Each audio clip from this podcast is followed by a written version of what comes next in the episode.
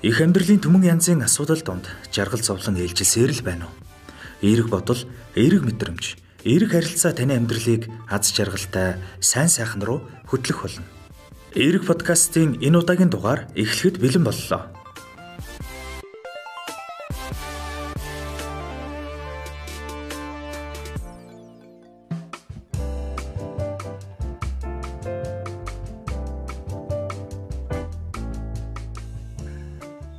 За сайн байцгаана уу? Эрэг подкастыг сонсож байгаа сонсогчдоо энэ өдрийн мэндийг хүргье. За отхон нэг их сургуулийн сэтгэл зүйн үйлчилгээний төвөөс хөтлөн явуулж байгаа Эрэг подкастын маань энэ удаагийн дугаараар отхон нэг их сургуулийн багш сэтгэл судлалын ухааны доктор Алтан ундаг оролцож байна. Бидний өнөөдрийн ярилцах сэдэв бол хүүхэд ба шийтгэл гэдэг ийм сэдвийн талаар ярилцсан хүүхдийг шийтгэж хүмүүжүүлэх ч байд юм уу урамшуулж хүмүүжүүлэх гэх энэ янз бүрийн нөхцөл байдлууд одоо хүмүүсийн байр суурийг харилцан одоо адилгүй байгаад гэдэг чинь монголчууд бол хүүхдийг тодорхой хэмжээнд шийтгэж явах хэвээр зэмлэж явах хэвээр энэ төргээр ингээ яриад байдаг. За ерөнхийдөө бол ингээд э, энэ яг үнэндээ зөв юм уу буруу юм уу гэдэг ойлголтын талаар бас ингээ ярилцах гэдэг. За энэ хүүхдийн шийтгэлийн талаар товчхон ингээд зүгээр ихний ерөнхий ойлголтыг өгөөч. Тэгэхээр ер нь шийтгэл гэсэн үгийн утгыг нь аваад үзэх юм бол зэмлэл торгуул гэсэн утгыг агуулдаг. За зөв шийтгэл нь ер нь хүүхдийн одоо бага насны хүүхдэд энэ зан үлийн сөрөг дадал хөвшил төлөвсгөөс сэргийлж эргээр нөлөөлдөг. Тэгэхээр хүүхдэд шийтгэлийг ямар үед үзүүлэх вэ гэхээр ер нь хүүхдэд яг зөв шудраг шаардлага зориуд захирагдахгүй байх, за мөн зан үлийн тогтсон хэмжээг зөрчих, үүрэг даалгаврыг одоо биелүүлэхгүй байх зэрэг бидний зүгээс шийтгэлийг бол хүлээлгдэг. А гэтэл нөгөө эцэгчүүдийн зүгээс хүүхдэд бас шийтгэлийг буруу шийтгэлийг бас үзүүлж тэр нь насан туршид нь заримдаа бас хадгалагдаж үлдсэн байдаг л та. Аа. Шийтгэл нь буруу зөв гэдэг ойлголтын ойлголтын талаар ярих гэдэг шүү дээ. Ер нь тодорхой хэмжээ шийтгэл байх нь зөвөө л гэдэг ойлголт руу явах гээд байна. Тэгээ ер нь бол шийтгэл гэдэг зүйл нь бас байх зөв. А гэхдээ манай эцэгчүүд одоо ер нь насан туршидын зүгээс хүүхдийг шийтгэлийг буруугаар ингэж одоо үзүүлснээрээ тэр нь хүүхдийн одоо тархинд нь үлдэж эргэж одоо насан туршид нь тэр нь ингэж сөргөөр нөлөөлж идэг. Жишээ нь чи нэг сонсч ирсэн үгүй нэг амьдралдаа хамгийн их уйлж исэн уйлж унсан ном маань цагаан толгой гэсэн нэг хошин яриа байдаг шүү дээ. А тий. Тэгэхээр нөгөө энэ нь бол бидний зүгээс нэг хүүхдтэй үсэг заагаад хичээлийн давтуулах гэсэн зөв шаардлага маань хүүхэд уншиж чадахгүй байгаад нь бид нар ингээд загнаад хүүхдээ уйлуулах зэрэг сөрөг шийтгэлийг үзүүлсний жишээ байгаа. А гэтэл одоо эргээд том болсон ч гэсэн насан туршсан ч гэсэн нөгөө дурсамжтай, гунигтай тэр нөгөө анх ном уншиж байхдаа сурсан тэр уншиж сурсан үйлдэлтэй уйлсан, загнуулсан тэр нь тархинд нь үлдээд хүүхдэд насан туршид нь мартахааргүй таагүй сэтгэлийг үлдээсний л нэг жишээ энэ болж байгаа юм л та. За яг хөө тий одоо тэр цагаан толгой гэдэг маань бол жоохон хөвгөлтэй байдлаар илэрхийлсэн сонсогддог боловч одоо ерөнхийдөө хүмүүсийн амьдрал дээр багад нь одоо янз бүрийн одоо айлгаж төгшөөсөн гадны одоо тий говцоо одоо нөгөө хоолоо идэхгүй бол танихгүй хүн дүүгүй шүү ч байт юм уу тий. Ингээд хичээлээ хийхгүй бол одоо тийм одоо нөгөө хүчирхийлэл юм да тий нөгөө эдийн засгаар эдийн засгийн хүчирхийлэл гэдэг шиг ихгүй шүү ингэхгүй шүү тий тоглоом авч өгөхгүй шүү гэдэг юм уу. Ийм байдлаар асуудалд хандаад байдаг нөгөө хүүхдүүдийн маань цаашдын одоо бие хүн болж төлөвшөх үйл явцад нь зан үйлд нь буруу тийм одоо хандлага, ихтгэл үнэмшлийг бий болгоод эргээд тэр хожим том болсон зан үйлээр нь илэрч гардаг, манлайлагч байхад нь нөлөөлдөг, хамт бусдад харилцагч сайн харилцагч байхад нь нөлөөлдөг, сайн ханиж байхад нь нөлөөлдөг ч үгүй юм уу те. Ийм байдлаар бас илэрдэг юм шиг байгаа. Хүүхдэд янз бүрийн шийтгэлийг буруу одоо өгснөөс шийтгэл ихэвчлэн нөгөө хамгийн буруу байх хувилбар нь нөгөө хүүхэд яагаад гэдэг асуултандаа маш баттай тийм хариулт олж чадаагүй байхад нь одоо нэг яагаад ийм буруу юм хийчихвэ гэдгээ яагаад энэ миний буруу байсан болоо гэдгийг ойлгоогүй байхад нь тодорхой тийм одоо зан үйлийн дарамт шахалт үзүүлээд идэг. Энэ нь тэр хүүхдэд нөгөө яг ойлгоогүй юм битүү хоримтлагдаад үлдчихэж байгаа байхгүй. Тэгээд тэрийг ойлгохгүй тэр чигээрээ ингээд одоо нэг тийм таагүй аав ээж нэг таагүй дайралт таагүй нөлөөл яг тэр нэг хүүхд задрахгүйгээр тэгээ задлж тэрийг ойлгож ухамсарлахгүйгээр тэр нь битүү юм яг ингээд зүрх одоо зүрх сэтгэл гэж хэлэх юм байдаг тэр ухамсарт нь үлдчихдэг тэр нь тэгээ хожим нөлөөлөгддөг гэж санааг л хэлэх гээд байх шиг хүн тий Тий. Бага насны хүүхдийн ер нь энэ одоо багада одоо 0-оос одоо 6 хүртэлх нас бол хүний хөгжлийн хамгийн эрчимтэй үе, хөгжлийн хамгийн чухал үе гэж байгаа шүү дээ. Энэ үед нь хэрхэн одоо зөв аргаар хүмүүжүүлсэн нь эргээд тархинд зөв одоо тий тижэл болж очих. За тэгээ хүүхдийн нөгөө тархины хөгжлийг дэмжихэд их эрэг нөлөө үзүүлдэгийг л хоёлаа гаргаж ирээд байна тий. Тийм шүү дээ. Одоо та бол бас мэдж байгаа хэрэг ер нь бол нөгөө тархины хөгжлийн хувьд бол сургуулийн өмнөх нас буюу одоо ойролцоогоор бол нэг 6 5 6 нас хүртэл хүүхдийн тархины. А 90 орчим хувь нь яг нөгөө материалын хувьд дээ тийм материаллаг одоо нөгөө физиологийн шинжтэй үйл явцын хөгжлийн хувьд 90 орчим хувь нь ингээ бүрэлдэж бий болдог гэж хөгжиж. Тэгээд сургуулийн бага нас буюу одоо нөгөө одоо нэг 10 11 нас хүртэл л тийм үлдсэн одоо тэр 10 орчим хувь нь гүйцээд тэгээд тэрнээс цаашаа бол хүүхдийн хөгжил төлөвшөл бол үндсэндээ таны мэдхүйн одоо сэтгцийн процессууд буюу тэр таны мэдхүйн үйлүүд нь хөгждөг хандлага, сонирхол, үзэл бодол гэдэг юмнууд нь төлөвшдөг ч байд юм. Ийм хөгжил болоо хувьяа явждаг шиг. Тэгээд яг тэр тархины хамгийн тийм боломжт хүнийг одоо хамгийн сайн хүн болгож хүмүүжүүлэх хамгийн өргөн боломжтой цаг үе бол сургуулийн өмнөх нас юм байна гэдэг. Энэ үед нь хүүхдийг янз бүрийн байдлаар шийтгээд ч юм уу те тэр нэг шийтгэл урамшуул хоёроо зөв зохицуулж чадахгүй улмаас. Одоо тэр одоо юу гэдэг цаашаа тийм байх хэн болж хүмүүжих гэж байгаа вэ гэдэгт нь одоо таагүй олмор үлдээчих юм бол эргэж нөхөж болохгүй тийм одоо хэцүү үр дагавар үлдэх гэдэг нь шүү дээ тий. Энэ чиглэлээр нөгөө ер нь бол их хийгдсэн тийм тарих тархиныг хөгжилтэй холбоотой нэгдүгürt энэ эргээд энэ тархины бага насны хүүхдийн тархины хөгжил нь насанд хүрсэн хойно одоо хэрхэн амьдралд нь нөлөөлж ийн гэдэг талаар хийгдсэн маш олон судалгаанууд энд байдаг л та. Жишээ нь энд нөгөө Нотр-Дамын их сургуулиас нэг 600 гаруй насанд хүрэгчдийн дунд хийсэн судалгаа байдаг. Тэгээд тэр онцлогчдыг бага насндаа ямар их хайр интгрэлэлд өсснөө А тэгээд одоогийн амьдралынхаа байдлыг тайлбарлсан байдаг. За тэгээд энэ судалгааны үр дүнгээр болохоор багада эцэг эхийнхээ хайрыг мэдэрч өссөн хүүхдүүд ирээдүйдээ алж жаргалтай амьдралаар амьдрдсан байна гэсэн юм дүгнэлтэнд бас хүрсэн жишээ байна. Яг үнэ.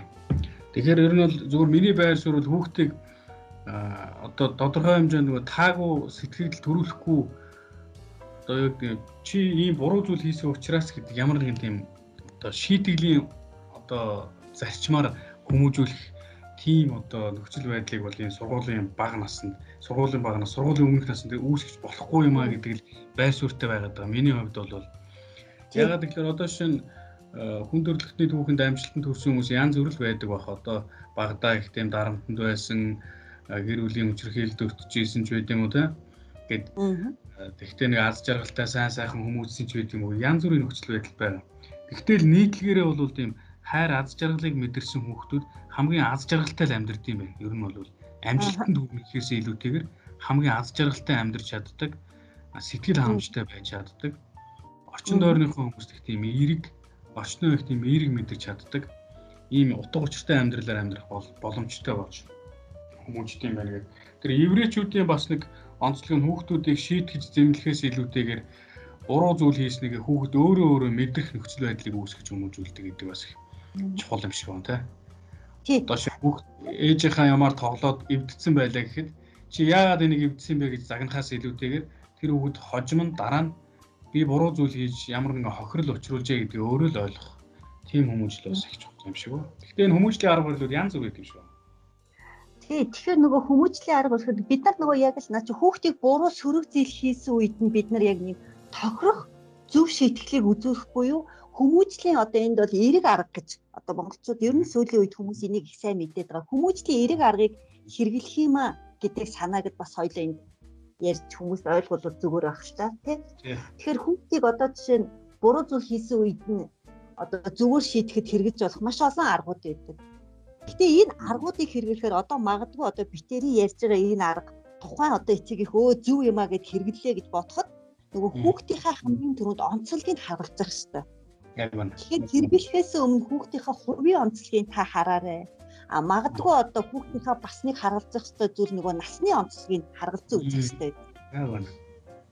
Бид нар жишээ нь ингэдэг штеп би одоо багада ийм байсан. Одоо чи ийм байна. Би багада ингээл болоод исэн. Тэгэхээр нөгөө эн чинь бас хүний хөгжилд бас давхар нийгмийн хөгжил чухал учраас энэ нийгэм ч одоо өөрчлөгдөд байна. Тэгэхээр та өөрийнхөө баг нас шиг ч юм уу те хүүхдийг бас бодох болохгүй болоод байна шүү дээ. За таны хэлгийг бол насны онцлогийг харгалзах нь байна, хүүхдийн хувийн онцлогийг харгалзах нь байна. Тэгээ энэ цаг үеийн онцлогийг бас харгалзах юм шүү дээ. Эхлэгчүүд бас их хвчлэн гаргадаг алдаанууд бол би яг чиний насан дээр гэдэг ийм хандлагаараа яг нөгөө яг энэ хүүхдийнхаа насан дээр таныг байхад ээж авч нь танд яаж хандаж ирсэн тэр хандлагаараа хандахад байдаг бас насар том алдаа алдаанд хүргээд идэг юм байдаг. А тэр насны онцлог дээр ярихад нэг юм байна. Одоо шин сургуулийн өмнөх насанд бол хүүхэд одоо зэмлүүллээ шүү дээ ээж авдаа шийтгүүллээ зэмлүүллээ. Тэгэхэд тэр хүүхэд нөгөө буруугаал мэдэрдэг. Би буруу юм хийчих. Миний алдаа очиж а би одоо хичээвэл ч юм уу эсвэл илүү сайжруулвал ингэж хийж болох байж таа гэж бодохоос илүүтэйгээр ерөөсөө л автомата би муу байж л гэдэг ийм командыг хамгийн хүчтэй авдаг юм байна энэ насны хүүхд. Би буруу юм бичиж гээд өөртөө нөгөө хамгийн сүүлд эцсийн үлдэж байгаа мэдрэмж нь яадаг вэ гэхээр өөртөө ихтгэлгүй болох мэдрэмжийн хүүхд хамгийн хүчтэй үлддэг сургуулийн өмнөх наснд. Тэгээд сургуулийн бага нас руу ороод ингээд ирэхлээр зэрэг хүүхдтэй бие биентэй харьцуулаад энэ төр ирэхлээр би энээс илүү хичээх юм бол илүү болж болох юм байна гэж бодохоос илүүтэйгээр угаасаа л би энэс муу юм байна гэдэг бас л нөгөө өөртөө ихтгэлгүй болох мэдрэмж бас үүсч идэг. Тэгэхээр энэ үед бол хүүхдээ яг боломж байгаа чи чадна гэдгийг дандаа урамшуулах дэмжих ийм хандлагаар сургуулийн бага нас сургуулийн өмнөх насанд ингээ хөгжүүлэх нь хамгийн үр дүнтэй оновчтой. А өсвөр насанд ороод ирэхлээр зэрэг алдаа дутагдлыг нь хилдэг, ойлгуулдаг, чи болохгүй байна гэдээ ингээ хэлэхэд бол нөгөө хүүхдэд танин мэдхэн хөгжлийн хувьд ийм төвшөнд очсон байдаг нөгөө. А би хичээх юм бол тэгвэл болох юм байна гэдэг ийм тархины хувьд анализ хийх ийм чадварууд нь харьцангуй өндөр болсон байдаг учраас ихгүй эцэгчүүд дандаа нөгөө багдан ч гэсэн шүүмжлэх гэдэг энэ алдаа дутагдал нь сүүлд нь сөрөг үр дагавар төрөх гэдэг. Тэн дээр энэ дээр ямар байр суурьтай вэ? Тий, яг энэ зөвлөлтөө. Тэгэхээр нөгөө одоо жишээлбэл бид нар ингэдэг чинь бага насны хүүхдийн буруу хэрэг хийсэн үед нь ингээд нөгөө загнаад өнгөрөөцдөг тий. Тэгэхээр яг хөө загнаж байгаа одоо шийдэж байгаа нь тухайн үед л зүгээр тэр зүйлийг хийхээс нь хязгаарлах ч юм уу тухайн үед болиулж байгаа байлаа. Дараагийн удаа нөгөө хүүхэд яах вэ гэдэг гарцыг олж сурахад тэр нөлөөлдөггүй бай үнэ. Тэгэхээр одоо жишээлбэл ингэдэг чинь нөгөө хүүхэд ингээд нэг гүйж байгаа л нэг унаал унцдаг штэ тий. Унжахт нь бид тэр хэлсээр байхт ч одоо ингээд унчих ингээд нэмээд загинж идэг. А гэтэл хүүхдэд би нөгөө хурдтай гүвэл ундын бэ гэдэг өвдөлтийг өөрийн биеэрээ мэдэрч байгаа л хангалттай байдаг тий. А харин эцэг эхчүүдийн хилээд байгаа үг нь одоо нөгөө буруу энэ одоо одоо загнаад байгаа байдал нь хүүхдэд эргээд одоо тархинд нь тийм сөрөг одоо нөлөөж одоо нөгөө тархинд кортизолыг үүсгдэг. Энэ нь эргээд нөгөөс нэг өөртөө ихтгэлгүй байдаг. За тэгээд одоо бусдад хараат байх, бусдыг аялдан дагалдаг ч тийм ийм зүйлд явандаа хүргээд байгаа гэдгийг мэддэг. А гэтэл бид нар айгүй гоё юм хүсэж байгаа шүү дээ. Хүүхдээ сайн сайхан хүн болгоно, их л сайхан хүн болгоно гэдэг. Том зэрэг хараад идэг. А гэтэл өдөр тутамдаа нөгөө хүүхдэд маань загнаад байгаа өвгнүүд маань за эсвэл хүүхдийнхаа урмыг хуглаад байгаа байдал нөгөө л саяны яг ярьдаг те нөгөө бусдаа харьцуулдаг байдал нь нөгөө зорилгонд чинь хүрэхээс чинь улам хойш нь татаад байгаа гэдгийгээс бид нар мэддэг хэрэгтэй юм л та энэ дээр нөгөө насанд нь тохирсон одоо зөв шийтгэл гэж юу байх вэ гэд бодохоор жишээлбэл одоо бага насны хүүхдэд хамгийн их бага насны хүүхдийн үндсэн үйл ажиллагаа тоглоом байдаг. Тэгээ тоглоомор тоглож явах явцдаа нөгөө за чи тоглоомоо хураагаараа гэ хэлэхээр хураахгүй орхичдаг тийм жишээ нь. Тэгэхээр бид нар чи тоглоомоо хураасангүйгээл загнаал би л чиний тоглоомыг хураахын ингээл ингээд загинж яадаг штеп. А тэрний оронд бид нар жишээ нь хүүхэд тоглоод хэрвээ тоглоомоо хурааж чадахгүй байвал хураахгүй байх юм бол штеп. Тоглоомоо хурааж чадахгүй бол хамт нэг удаа хурааж үзье. А дараагийн удаа за тоглоомоо хураагаараа гэж хэлнэ. Тэгээ хэлэхэд хэрэг хураахгүй байгаад юм. За би одоо хураалаа. Тоглоомын чинь одоо хүүхдийн гар хөрөхгүй арай нэг өндөр зүйл дээр тавих нэ тэ тавир дээр тавиад. Би энэ удаа тоглоомоо хураагаагүй учраас би энэ дээр тавьсан. А одоо харин дараагийн удаа чи тоглоомороо одоо тоглодог болох юм бол яг өөрөө тоглоомоо хураах уу? Энэ удаа инглиш шүү гэд. Ийм юмыг яг хүүхдүүд нь хэлэх юм бол хүүхэд нэрээ би тоглоомоо хураагаагүй учраас ийм шийтгэл авлаа. Энэ нэг юм зүг юм гэдэг жишээ нь магадгүй тийм. Басныхан гэхдээ хүүхдээ бодоорой гэж хэрвээ аймархаа хүүхэд байвал бас ямар аргыг хэрэглэх үү гэдгийг хүсэж бодох хэрэгтэй. Яг үнэ.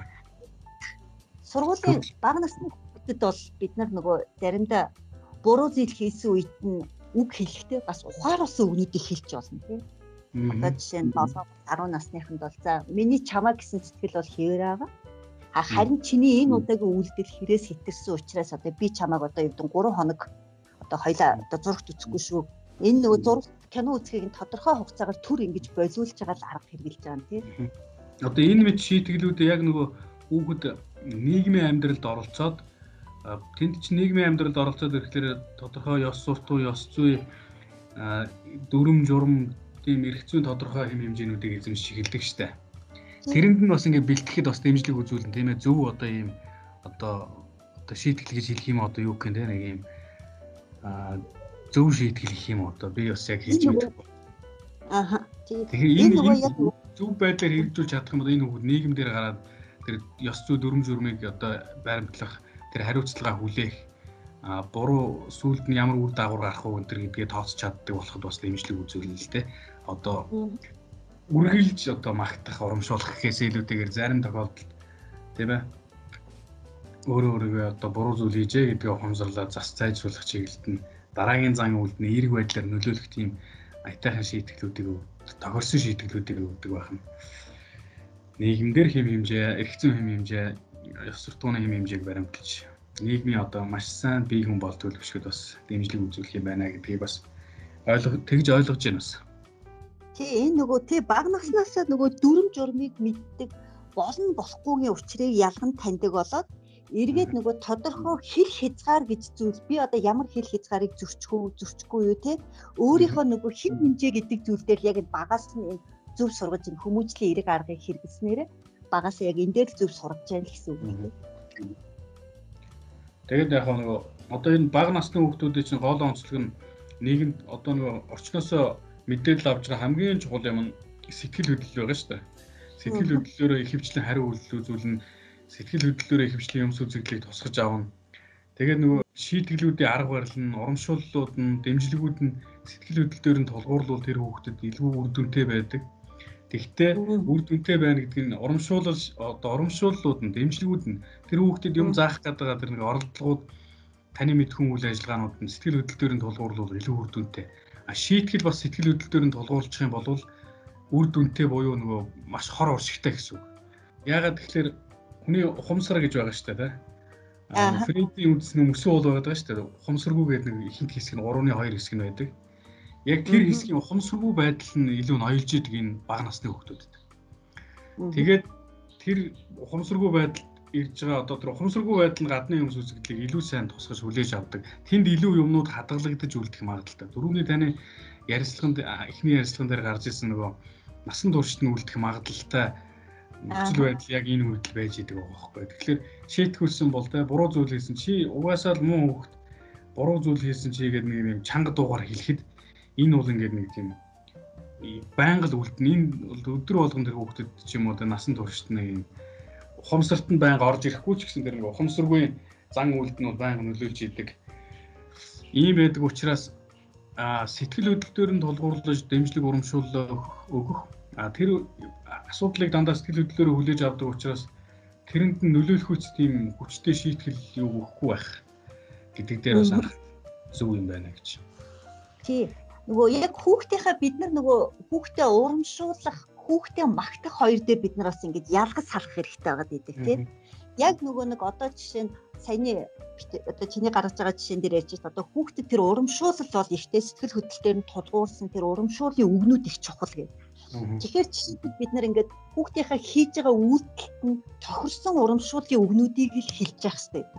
Жишээ нь бид нар ингэдэг чинь өө мундаг хүүхэд, сайн хүүхэд гэдэг үг хэлээд байгаагаа магтаал урамшуулъя гэж боддог.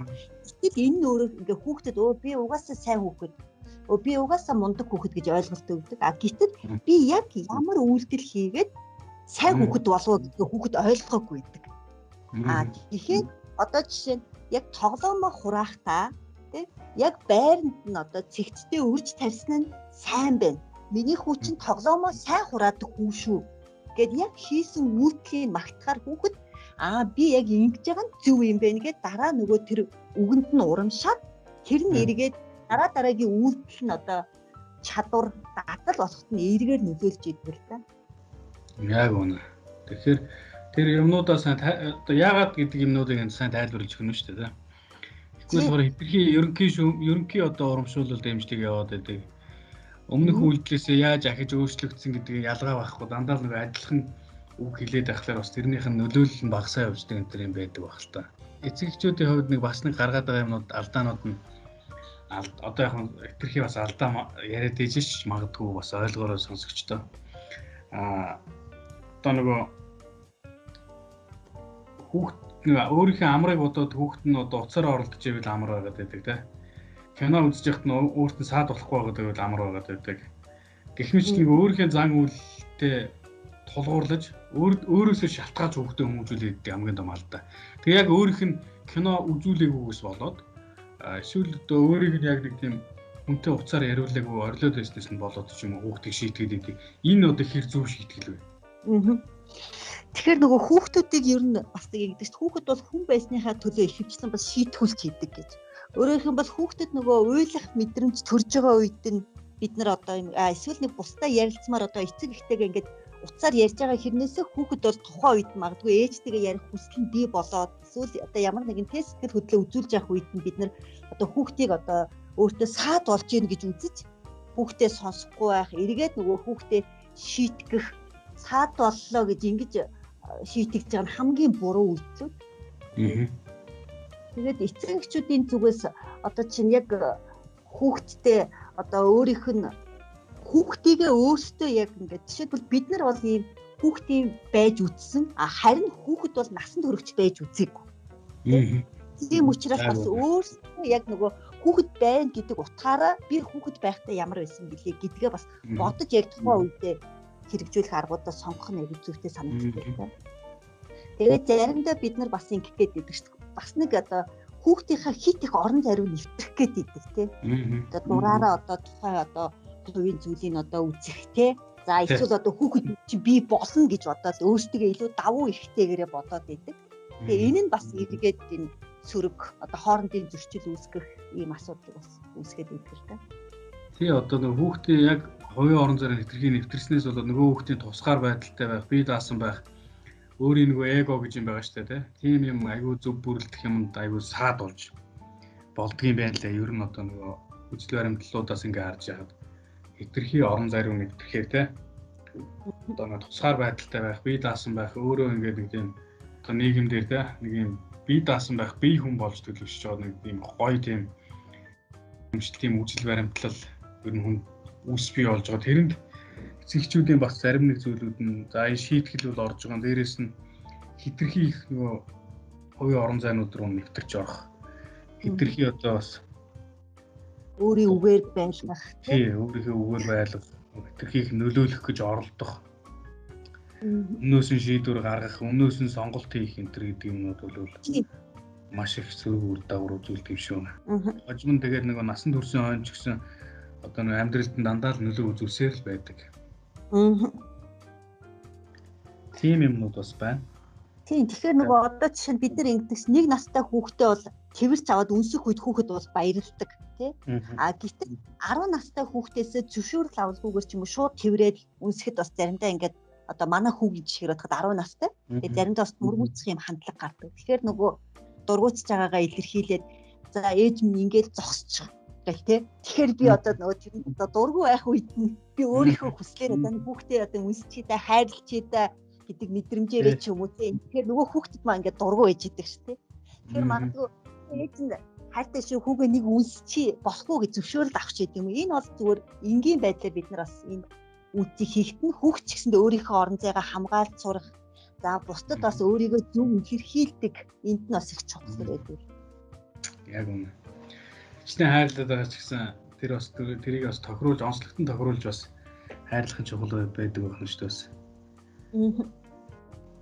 Эцэгчүүд бас хэтэрхий заримдаа өөрийнхөө хүүхдүүдтэй хандаад байдаг. Хүүхднийг өөрийнх нь өмч юм шиг те.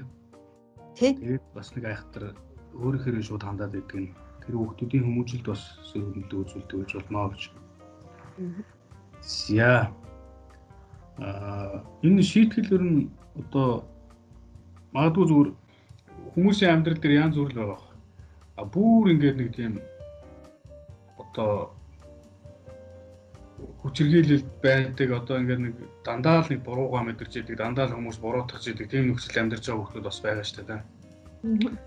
Одоо ингээд одоо ингээ хүчрхийлэл өсч байгаа хөвгт байхгүй юу тэр. Одоо аав нариг уугаад ирэх дарамтлагч байд юм айл эсвэл яа тэ нэг тийм хайр халамжийг баг мэдрээд идэг энэ бас нийгэмдэр янз бүрийн юмнууд асар их сонсогддог болчихтой өнөөдөр.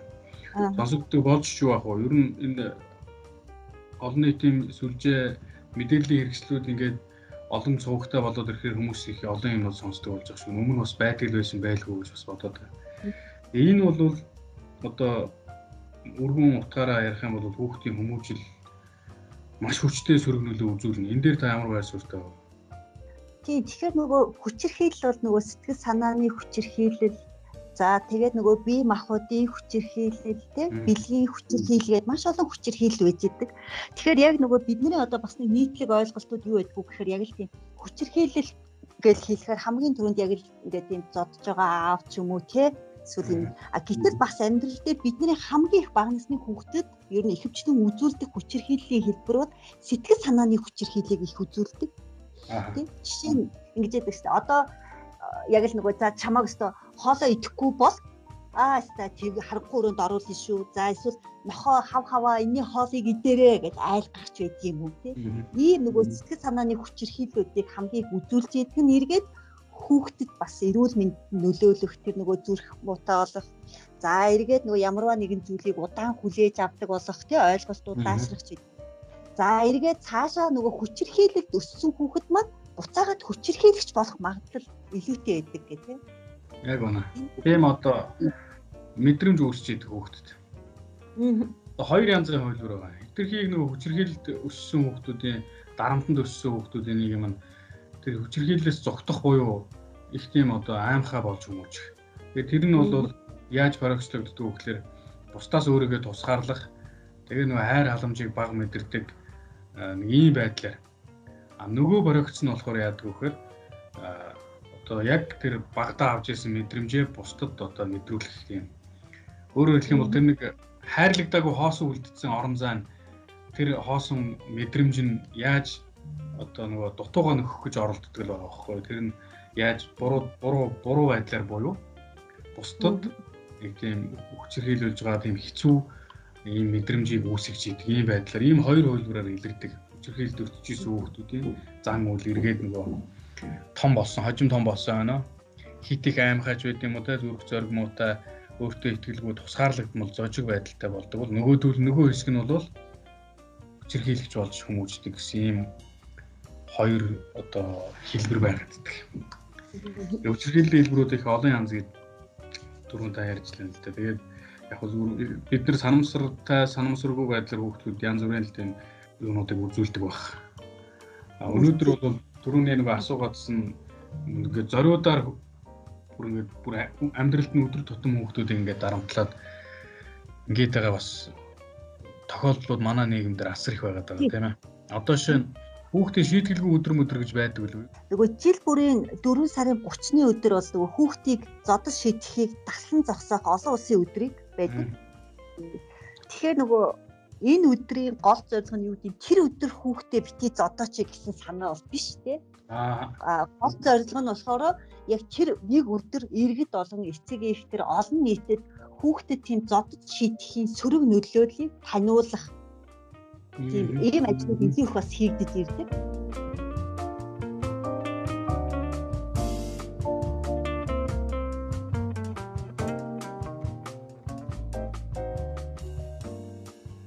Өнөөдөр алтан ундаг багш бид хоёр бол хүүхдийн шийтгэлийн талаар ярилцлаа.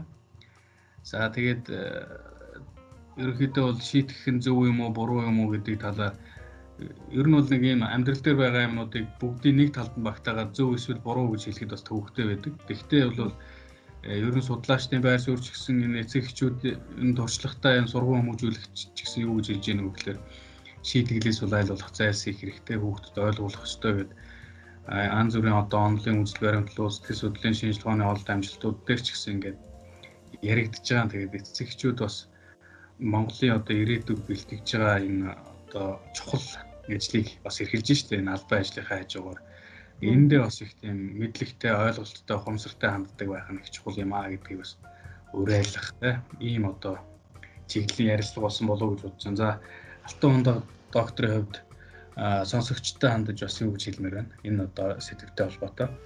Тэгэхээр нөгөө бидний зүгээс хүүхдтэйгээ хамгийн гол нь одоо шийтгэхээс илүүгээр бас хүүхдтэйгээ ойлгооч, хүүхдтэйгээ ярилцаач тийм. Тэгээ хүүхдтэйгээ ярилцах жишээлбэл бид нар яг хүүхдийнхээ төвшөнд суугаад яг одоо бид нар ч одоо өндөр нам байгаа шүү дээ тийм ээ. Тэгэхээр хүүхдийнхээ төвшөнд суугаад тэгээ хүүхдтэйгээ өдөр болгон ядаж 5 минутыг зарцуулаад хүүхдтэйгээ ярилцаад байх нь эргээд энэ хүүхдтэй эргээр нөлөөлөх бидний нөгөө нэг шийтгэл гэдэг зүйл амьдралд үүсэхгүй байхаас юм их сэргийлж идэг. Хамгийн гол. Тэгээ бид нар нэг хүүхдтэйгээ яг тэр 5 минутыг зарцуулаад ярьж байхдаа ч гэсэн яг юм яг зөв цагийг өнгөрөөж явах хэрэгтэй. Уцаараа оролдонгуудаа сонсож, сонсож яри яри гэдэг. Тэг яг 5 минутыг хүүхдтэйгээ хамт яг сонсоод яриаг нь дэмжиж Тэгээд нэг тэгсэн юм уу чи гэд нэг загнаад хаалттай хариу үлдүүлээд байхасаа илүүгээр сонсоод нээлттэй асуултыг тавиад хүүхдтэйгээ ярилцаад байх нь бид нарт эргээд нөгөө хүрх гээд байгаа үр дүндээ хүүхдээ сайн хүн болгох гээд байгаа бол та тэр өнөөдрийн 5 минут чинь эцэст нь таны хүүхдийн дээр танин мэдхүү хэл ярианы хөгжилд сайнаар нөлөөлөх за мөн намайг ээж аав минь ойлгодог би гэдэг бас нэг юм өөрийгөө мэдрэх хэрэгцээг нь бас илүү дэмжиж ингэж өгдөг учраас давуу талтай байдаг та. Зөв. За, Эрик подкастыг сонссон сонсогч та бүхэндээ баярлалаа. За, өнөөдрийн дугаард оролцсон Алтан хондог багшд бас баярлалаа. За, ингээд сонсогч та бүхэн өдрийг сайхан өнгөрүүлээрэ. Баяр таа.